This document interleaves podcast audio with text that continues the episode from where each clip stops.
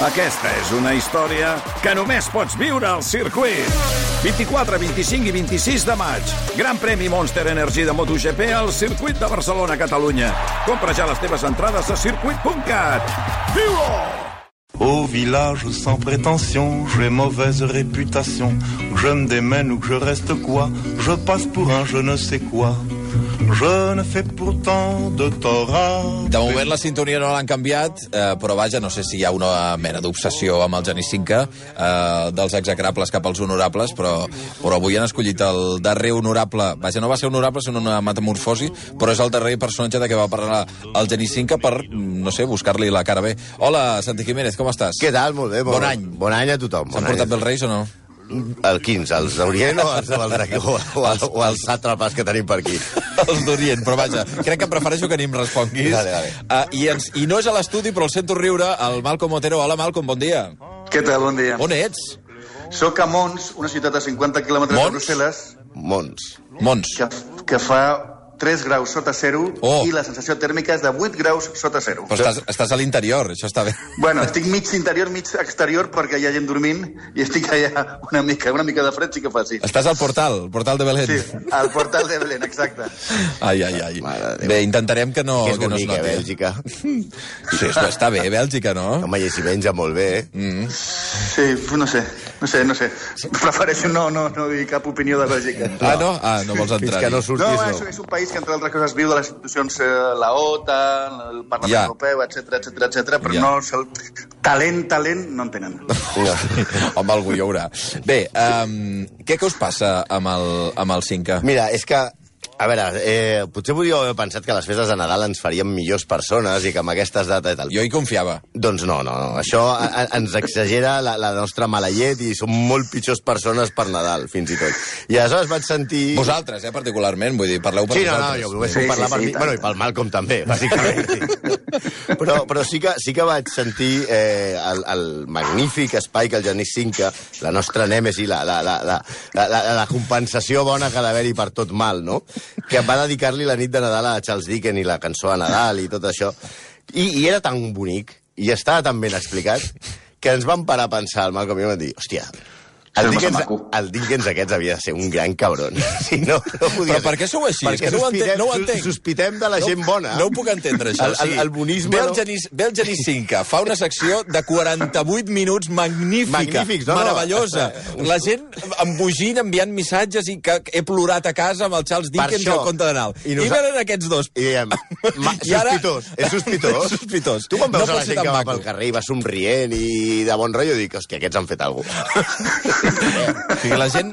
La, o sigui, la vostra base, eh, diguem-ne, Sospitar de vida tothom. és... Sos, no, sospitar sobretot de qui somrigui. Totalment, Home, totalment. si i algú somrient- ha fet alguna cosa dolenta. No, vull dir, ja, mira, mira els pallassos. No, home, perdona. No, no, no, no, horrible. Aleshores, eh, ens vam posar a treballar... Sou gringe, eh? Sou gringe de debò, eh? Sí, sí, totalment. Scrooge. Scrooge sou vosaltres. I no, veureu que Scrooge, en el fons, era Dickens. Ves, home! Ah. Bé, ja veuràs. Va, home, Mira, tu. us descobrirem la cara B de Dickens. Un home que, cada, que, que hem dit, que cada 24 de desembre fa plorar a mig planeta i des de que ha aparegut el genís, encara més, no? Vull dir, és allò. Però és que Dickens, en veritat, la, la veritat, poble que ens esteu escoltant, Dickens era un fanàtic religiós, un adúlter, un cregut, un garrepa, un racista, cruel, megalomaníac, maniàtic i necròfil. Donem la benvinguda al Club dels Execrables a Charles John Hugham Dickens.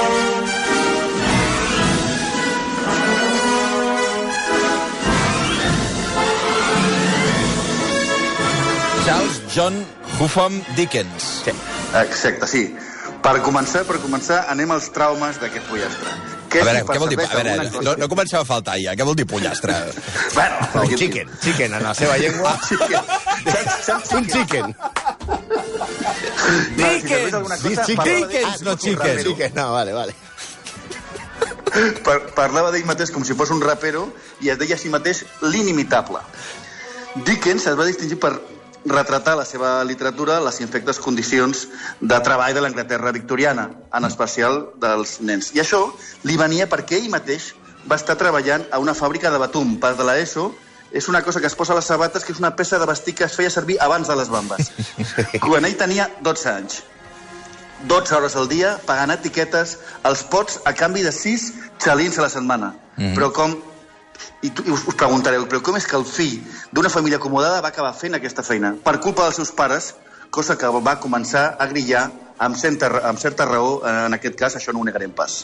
Resulta que el seu pare, us explicarem com va acabar a, a, treballant i produint ja per la societat, el nostre amic.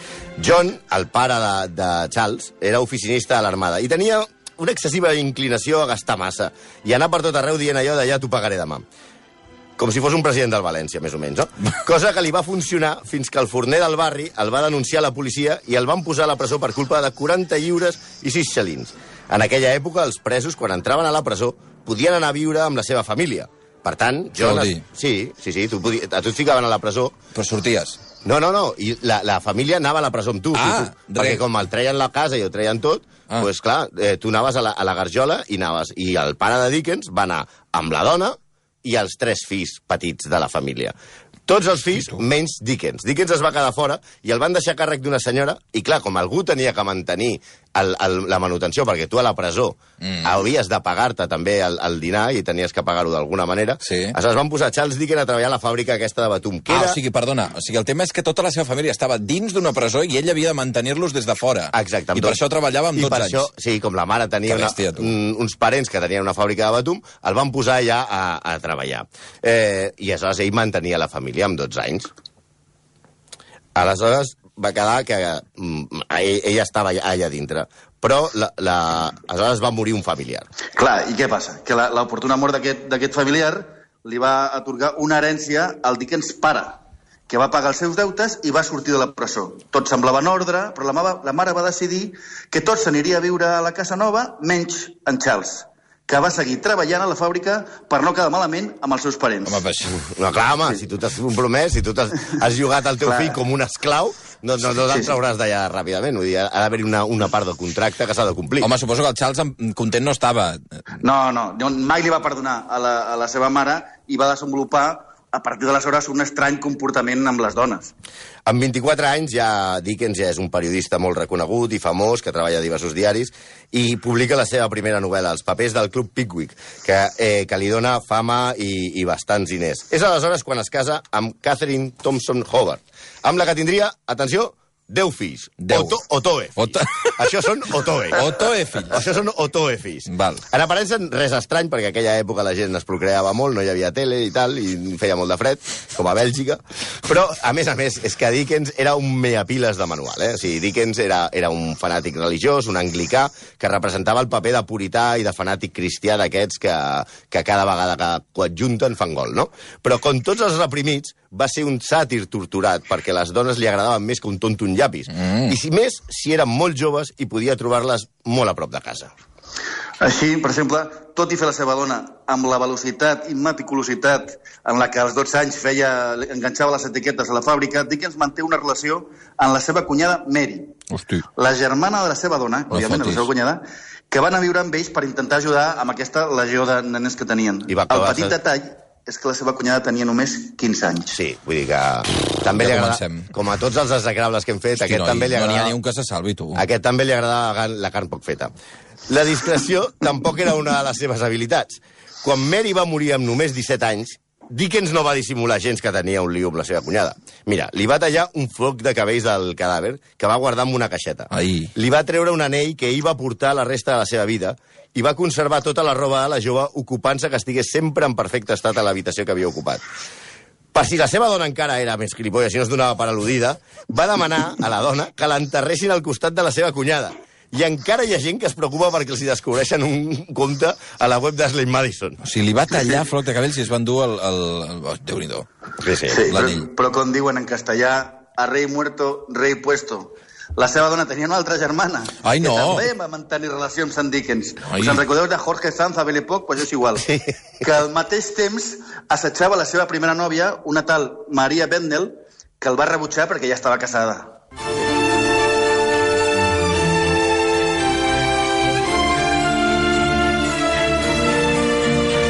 D'entrada tenim un Dickens Sí. que ja té un, un passat eh, complicat, que és Sí. que l'obliguen a treballar a la fàbrica. El- el trauma, el trauma. Però, el trauma, eh, però que eh, mentre té 10 fills amb la seva dona, s'embolica amb la cunyada, De 15 que, anys. que en té 15, eh, Quan mor la cunyada. Quan mor la cunyada, agafa l'altra la cunyada, cunyada ja, ja estem en aquesta situació. Sí, però no acaba aquí la cosa, eh? Dickens, eh, ja gran i sent la imatge de, de la moralitat i la rectitud victoriana a causa de les seves obres, que eren molt moralistes, i, i, i comença a tenir una, una relació paral·lela amb una jove actriu de teatre a la que va anul·lar com a persona durant els 13 anys que va durar la seva relació. Quan es van conèixer, Dickens tenia 45 anys i Ellie Lowness Ternan, coneguda com Nelly, 18. Bueno, va millorar una mica. Sí, la no, relació adúltera condemnarà Nelly a una vida de dissimul, secret i anonimat que se li va fer insuportable i no es va descobrir fins molts anys després quan es va escriure el llibre The Invisible Woman, la dona invisible, que acaba de ser portat al cinema per Ralph Fiennes i Felic- Felicity Jones. Mm. L'obsessió de Dickens per portar la seva relació en secret amb Nelly va ser tal que fins i tot va haver de mentir quan es va veure involucrat a la catàstrofe ferroviària de Staplehouse. M'encanta escriure catàstrofe ferroviària. El juny de 1865. Aquell va ser un accident de tren molt famós de l'època. Mm -hmm. Dos trens van xocar i set vagons d'un tren van caure a un riu des d'un pont. L'únic vagó que no va caure va ser el de primera classe, en el que viatjava Dickens. Què dius? La llegenda, alimentada per ell mateix, diu que Charles va ser el primer en baixar al riu per atendre els ferits i que va salvar molta gent fent-se l'heroi. Ell mateix es va preocupar perquè es donés com a bona aquesta versió, concedint totes les entrevistes que li van demanar els periodistes que van anar a cobrir la tragèdia, però Sí, la, la tragèdia, la, la, la veritat és molt diferent. Resulta que Dickens viatjava en aquell tren amb la seva amant i la seva mare. Diem la, la mare de l'amant, no la Ah. seva, que li portava a la fàbrica. Sí, sí, aquesta res de res. aquesta no la portava I en tren. Home, no. I en lloc de preocupar-se dels ferits, el que va fer és córrer a amagar-se amb les seves acompanyants perquè no es, es descobrís la- l'adulteri. Quan van fugir de l'escena de l'accident, va adonar-se que s'havia deixat el, el tren el manuscrit de Danby i va tornar a recollir-ho. Va ser aleshores quan es va fer passar per un heroi. O sigui, ja, quan ja estava a un quilòmetre Sí, de l'accident, diu, Merda, perda, manuscrit." perdona, que m'he deixat una cosa, i va tornar enrere i llavors I es el va, trobar, veure. es va trobar el Puyas i va dir no, jo he vingut aquí a salvar la gent. Va, un, un valent, un valent. La mateixa valentia que va demostrar quan li va demanar a Nelly que cremés totes les seves cartes, les que li havia enviat, mm. o amb la que, segons explica en, en, en el llibre aquest d'Invisible Woman, es va desentendre del fill que van tenir junts. Sis anys després de la mort de Dickens, Nelly es va casar amb un pastor, vull dir, un capellà, no un pastor d'ovelles, que mai va sospitar res de la relació de la seva dona amb Dickens. Home, ara, ara, ara estic pensant, de què deuen voler parlar Bueno. ara que han punxat money? Eh, em, sí, som tan subtils? Sí, és que sí, si les dones se li donaven bé al nostre execrable, encara millor els diners. Dickens era una màquina de fer calés que hagués fet enorgullir-se el seu personatge Mr. Scrooge, el seu personatge de la cançó de Nadal. Sí. Les seves baralles amb els editors per demanar més diners a mitja novel·la eren conegudes. Publicava, es publicava per entregues, i quan la trama tenia la gent ansiosa sense poder esperar què passaria al següent capítol, demanava un moment o no seguia escrivint. Oh! Sí, no, això és molt gran. O sigui, Quina gran, quina gran És com estratègia. si tu ara, a meitat de programa, dius, eh, paro, que vingui l'Eduard Pujol, que vull parlar amb ell. No, I si no ve, no continuem. no, no continuem. Tu ves tirant publicitat i música, marxes, ponga marxes militares. Penseu que aleshores, en aquell temps, no hi havia tele, que per això tenien tants fills, i que les novel·les per entrenes de Dickens eren com els capítols de Joc de Trons. Oh, clar. Clar, mira, per exemple, 6.000 persones es van congregar al port de Boston per esperar el vaixell que portava des d'Anglaterra els capítols de la tenda d'antiguitats, preguntant a crits als mariners des del, des del moll si la petita Nel, la desgraciadíssima protagonista de la història, moria o no. Que això estem parlant de finals del 19. Sí, sí, sí, això. 1870... O- o- o mitjans. Sí, sí, 1870. Hi havia 6.000 persones 6.000 esperant que arribés l'obra. I la gent cridava des del moll als, als mariners si se l'havien llegit, com si els mariners sabien llegir. Ala, va, Home, passa. en aquella època, no, home, no. Clar, és que no hi havia Juego de Tronos. Clar, Ja, no? ja, ja, ja. Però és que heu vist alguna vegada els llibres de Dickens? Són uns totxos que gairebé tots tenen al voltant de 600 pàgines. No, Per mira, què? Conte de Nadal eh, de- en té 100. Ja en parlarem de Sí. Ah, Sí, ja en ah, ja, parlarem. ja, ja. No, mira, Conte de Nadal no el toqueu, tu. És que Però per què? no respecteu per què? res, tu. Sí, però Història de dos ciudades fa 28.000... Otoe. Otoe pàgines. Cançons de Nadal. Per què? Però per què estiu aquests totxos tan, tan grans? Perquè com escrivia per entregues, quan més llarga la novel·la, més diners guanyava. Això sí. O sigui, com vols dir que ho allargava, el xiclet anava fent. Exacte. Però Ja, què ja. provocava això? Que les trames es compliquessin absurdament amb personatges excessivament, excessivament sensibles, en aconteixements irreals i amb protagonistes o textos que eren molt criticats pels crítics, valga la redundància, i també per tot el món literari, que estava molt envejós, que això sí és molt, habitu molt habitual del seu èxit. Això ja no passa entre els autors que tenen No! enveja No, no, no, no. mai. Mai. Mai. Així, espera, per exemple, Oscar Wilde era el seu principal detractor, doncs considerava les novel·les de Dickens ridículament sentimentals. També ho pensava el mateix Chesterton, que compartia aquesta opi- opinió afirmant que és impossible no morir-se de riure quan veus la vida de la petita Nell. La petita Nell va ser com, com eh, la, la Heidi de la nostra infantesa per, pels, pels anglesos del segle de finals del XIX. La sensibleria de Dickens i les desgràcies que li No li feia... diguis sensibleria, la Dickens, sensibleria pobre. de Dickens i, la, i Ai. les desgràcies que li feia passar personatges com Oliver Twist Això o sí David veritat. Copperfield són caricaturesques si te les mires bé, no? Mm. Tant que l'adjectiu dickensià ja s'ha quedat i s'utilitza quan una cosa es passa de tètrica. Dickens, en el fons, va ser el primer guionista de col·laborats sud-americans i un tio Ah, va inventar la paraula dickensià, que hauria d'estar penjat juntament amb el que va inventar dantesc, kafkià o burgià.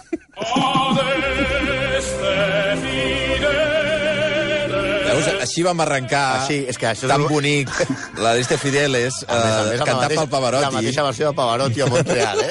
que, va, vaja, que, que va servir per arrencar la magnífica secció, no com aquesta del Genís Cinca al voltant de, del, del conte de Nadal, o de la cançó de Nadal, Christmas Carol, en tot cas.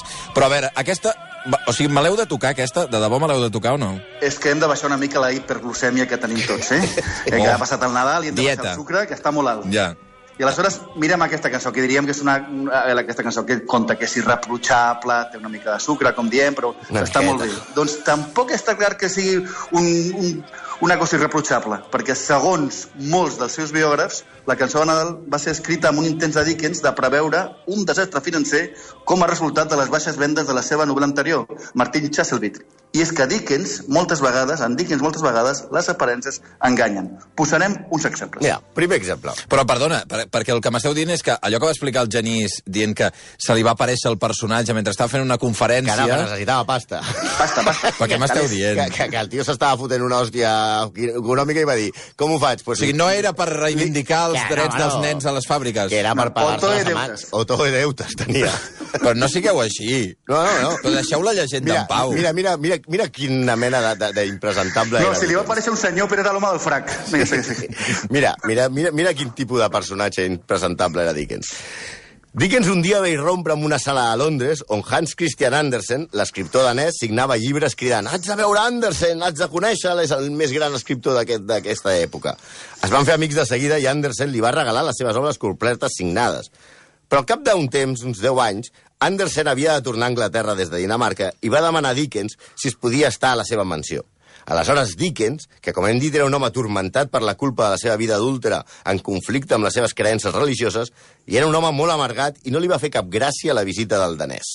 Amb una carta, un amic li escriu És possible que Hans Christian Andersen passi algun temps amb nosaltres, però no has de preocupar-te. Només sap danès i es sospita que ni tan sols massa. Qua- Quan va arribar... I i ara cabren el tio, eh? Quan va arribar Andersen a casa, ell havia marxat de viatge i el va deixar el pobre danès amb els seus, amb totes les seves criatures que es veu que eren de la pell de Barrabàs. I es va dedicar a enfotre-se'n de, de l'autor escandinau i parlar malament de totes les seves obres a la seva cara. Ai. Fins i tot va amenaçar-lo amb, amb tirar-lo per una finestra. Sí, tu, tu, pobre, el pobre Christian Andersen, que era, devia ser un filfa, també, un tio que escriu contes com la Sirenita i coses així, també devia Escolta, ser un tio... però no podeu No. criticar d'aquesta manera així. Mira, en una altra carta, la filla de Dickens va escriure al seu pare Andersen és un pelma, ja no, que no fa més que donar la llauna. No ens deixa en pau. Quan desesperat Andersen va marxar de la casa, Dickens va penjar un cartell a l'habitació que havia ocupat el danès en el que es podia llegir. Hans Andersen va dormir a aquesta cambra cinc setmanes, que a la família li van semblar segles. Sí, jo, jo crec que Andersen encara estava pensant per què no vaig agafar un hotel, un hotel. Però bueno, un altre exemple. Uh, Dickens és un suposat defensor de les classes oprimides i era, per dir-ho suau, un racista convençut. Ai, no. Mira. A Oliver Twist, el personatge dolent, era el- l'ancià Fagin, un veu jueu d'aspecte repugnant. Nota que utilitza unes 300 vegades en el llibre. Això Quan mateix? la- Sí, sí, no, això entre cometes. Eh, Un vell jueu d'aspecte repugnant, repugnant, sí, sí, ho, ho sí. diu 300 cops al llibre? Sí. Exacte. Quan influents lectors d'ascendència jueva es van queixar del tracte racial, ell va dir que la, la següent obra incluiria un jueu bo. Per si això no us convenç respecte al racisme de Dickens, a les seves American Notes, llibre que va escriure durant un viatge als Estats Units, se n'en fot d'un cotxe negre. Reconeix el seu suport a la causa sudista i, tot i que és contrari a l'esclavitud, menys mal, considera que atorgar el vots als negres seria absurd.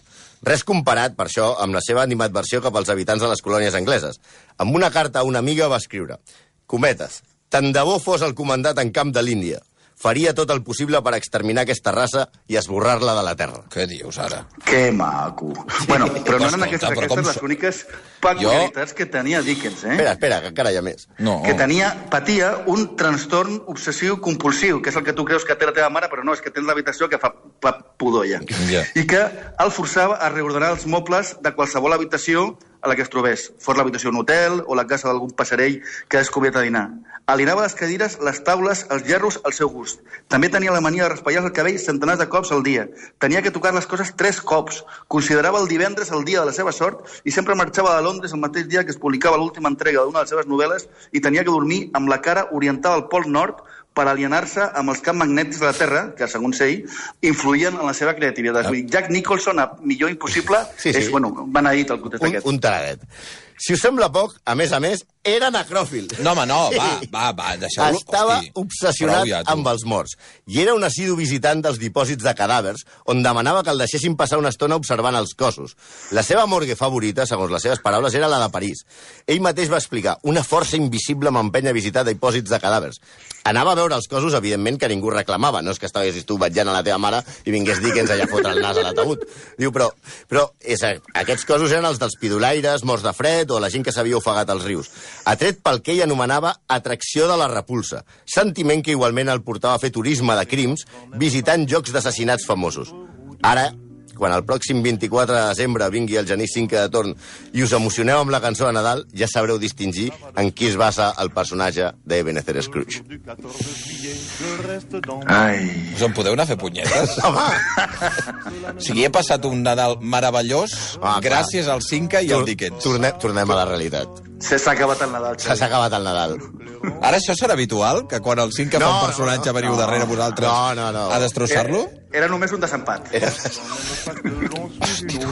Clar, perquè vau perdre cla clamorosament en el duel Sílvia eh, Pérez Cruz. honorables Va, execrables. utilitzar Sílvia Pérez Cruz no, Com a està, carta. no, Sí, això no, no, no, trampa. està autoritzat. Um, um, sobre, 12 jugadors. sobre això de Dickens, almenys eh, poseu alguna, bio, bio, eh, alguna bibliografia perquè la gent eh, que es vulgui informar al voltant del personatge eh, tingui on agafar-se. Sí, mira, uh, el llibre aquest, que ara faran la pel·lícula, eh, el de Invisible Woman, de Claire Tomalin, hi ha un llibre de John Foster, que és La vida de Charles Dickens, que està bastant bé, i després hi ha un ja que explica totes les seves misèries, que és de Gary College, que es diu Dickens i la religió.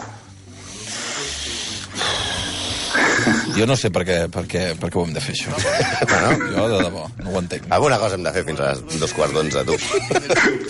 Uh, passen dos minuts de dos quarts d'onze del matí. Uh, execrables, moltíssimes gràcies eh, A per acompanyar-nos. Gràcies a tu. Uh, I fins mai. Uh, gràcies, Santi Jiménez, gràcies, Malcom Otero. Ara de seguida tornarem, um, us recomano, de seguida parlarem amb una persona amb idees molt interessants, que és filòsof i, uh, vaja, que, que jo crec que pot interessar-vos molt el que, el que ha d'explicar, que ha tret un llibre que es diu eh, Tratado de Filosofia Zoom, que és José Antonio Marina. De seguida, el Via Lliure de rac una mica per pujar al nivell després, de, després dels execrables. Ara tornem.